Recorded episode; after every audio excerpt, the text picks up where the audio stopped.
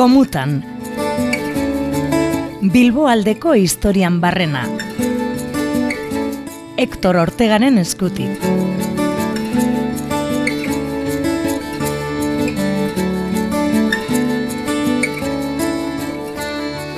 Mila bedatzion dago eta masazpiko ekainaren erdialdean, ehunka gudarik eta miliziarrek, odola urijolaka isurita, Franco generalaren armada altsuari orpegi eman zioten hartxandamendian.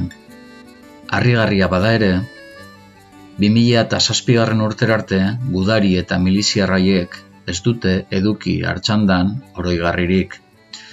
Gerra garaiek, ostera, atoan altxatu zuten haien hildakoen omenezko monumentua, agirletako gurutzea. Laro bat urte geroago, Bilboku udalak eraitsi egingo du. Zu eta gar borrokatu eta gero sartu ziren fasistak Bilbon orain dela laro eta bat urte, hartxandaz jabetu ondoren. Erresistentzia gogoan garria egin zuten gudariek eta miliziarrek, dena galduta zegoenean. Lau egunez, munduko begiaskok berreun metroko gure muño apal horretan hiltzatu ziren. Fasismoaren eta askatasunen aldeko borroka luzea une hartan hartxandan jokatzen zelako. Egiari zor, handia izan zen miliziar eta budari haien balentria, epikoa, defentsa, izugarria erakutsi zuten adorea eta kuraia irabasteko itxaropenak oso urriak zirenean. Eta harrigarria, Bilbok ez du kasik estimatu, baloratu, gogoratu. Azken odol tanta isuri arte utzi zioten horien oroimena, mila dago eta masazpiko ekainan bertan amatatu zela pentsaliteke. Ahosko lekuko tasunen bidez jakin genuen ondorengo belaunaldikook hartxandako defentsa latzaren berri. Baina Bilbo ofizialak, 2006 garren urterarte, Franco hil eta hogeta mabi urte geroago alegia, etzien aitortzarik egin, laueia eskulturarekin. Arrez gero, urtean bengo ekitaldi ofiziala eta kitxo. Zer edo zer gehiago merezi zuten, Bilboren defentsan azken arnasa eman arte borrokatu ziren gizonaiek. Garaiek, ostera, hartxandan galdu zituzten, erreketeak oroitu nahi izan zituzten. Monumentua noiz egin zuten ez dugu jakin, baina bere ala izan zen, indalezio ojanguren argazkilariak mila behatzion eta mazazpian bertan hartxandan egin zuen erretratu sortan gurutzea agertzen da eta hiru ataleko enborra daukan arrisko gurutze altua da. Hiru fetxa dauzka inskribatuta ataleko bana, mila sortzion dago eta mairu, mila sortzion da irurogeta mairu, eta mila bedatzion da hogeta mazazpi. Alegia, karlistak matxinatu eta bilbo eraso zuten hiru aldiak, hiru karlistadak. Agirleta edo Santo Domingo ganean bertan altzatu zuten gurutzea, muño gorri batean, errepidetik urrean. Handago, oraindik ere, zuaitza artean zutunik, ahaztuta. Handia izan arren, oarkabean pasatzen da.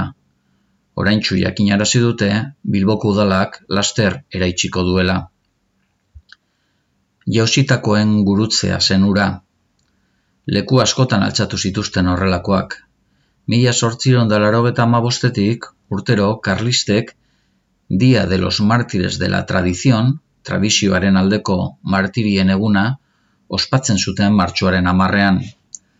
Frankoren diktaduraren babesean, omenaldi ofiziala bilakatu zen, naiz eta oso ihartzun txikia zeukan beste batzuen aldean.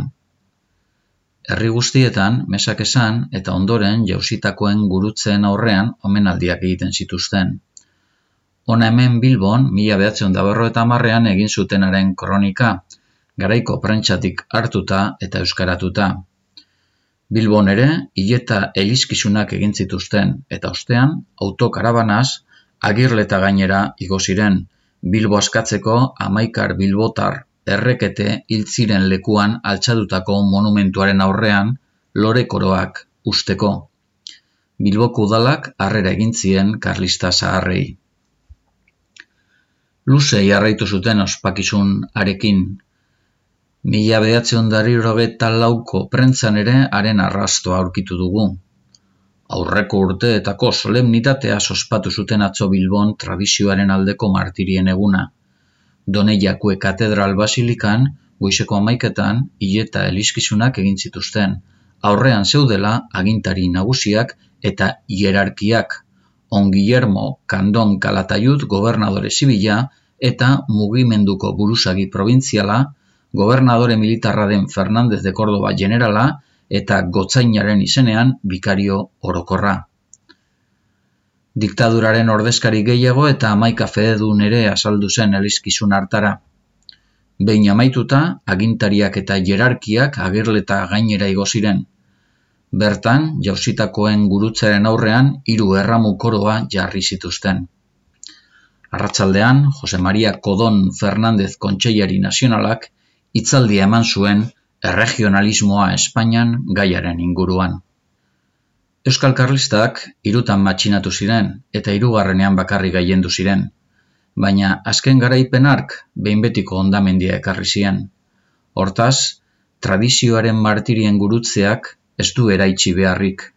Urte asko dira galdu egintzala.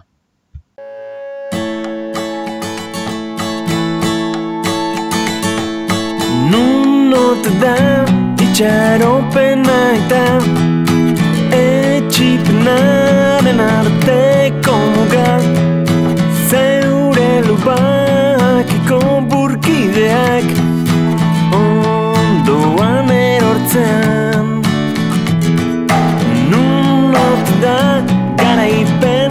xerma bidertzean utztako korpuak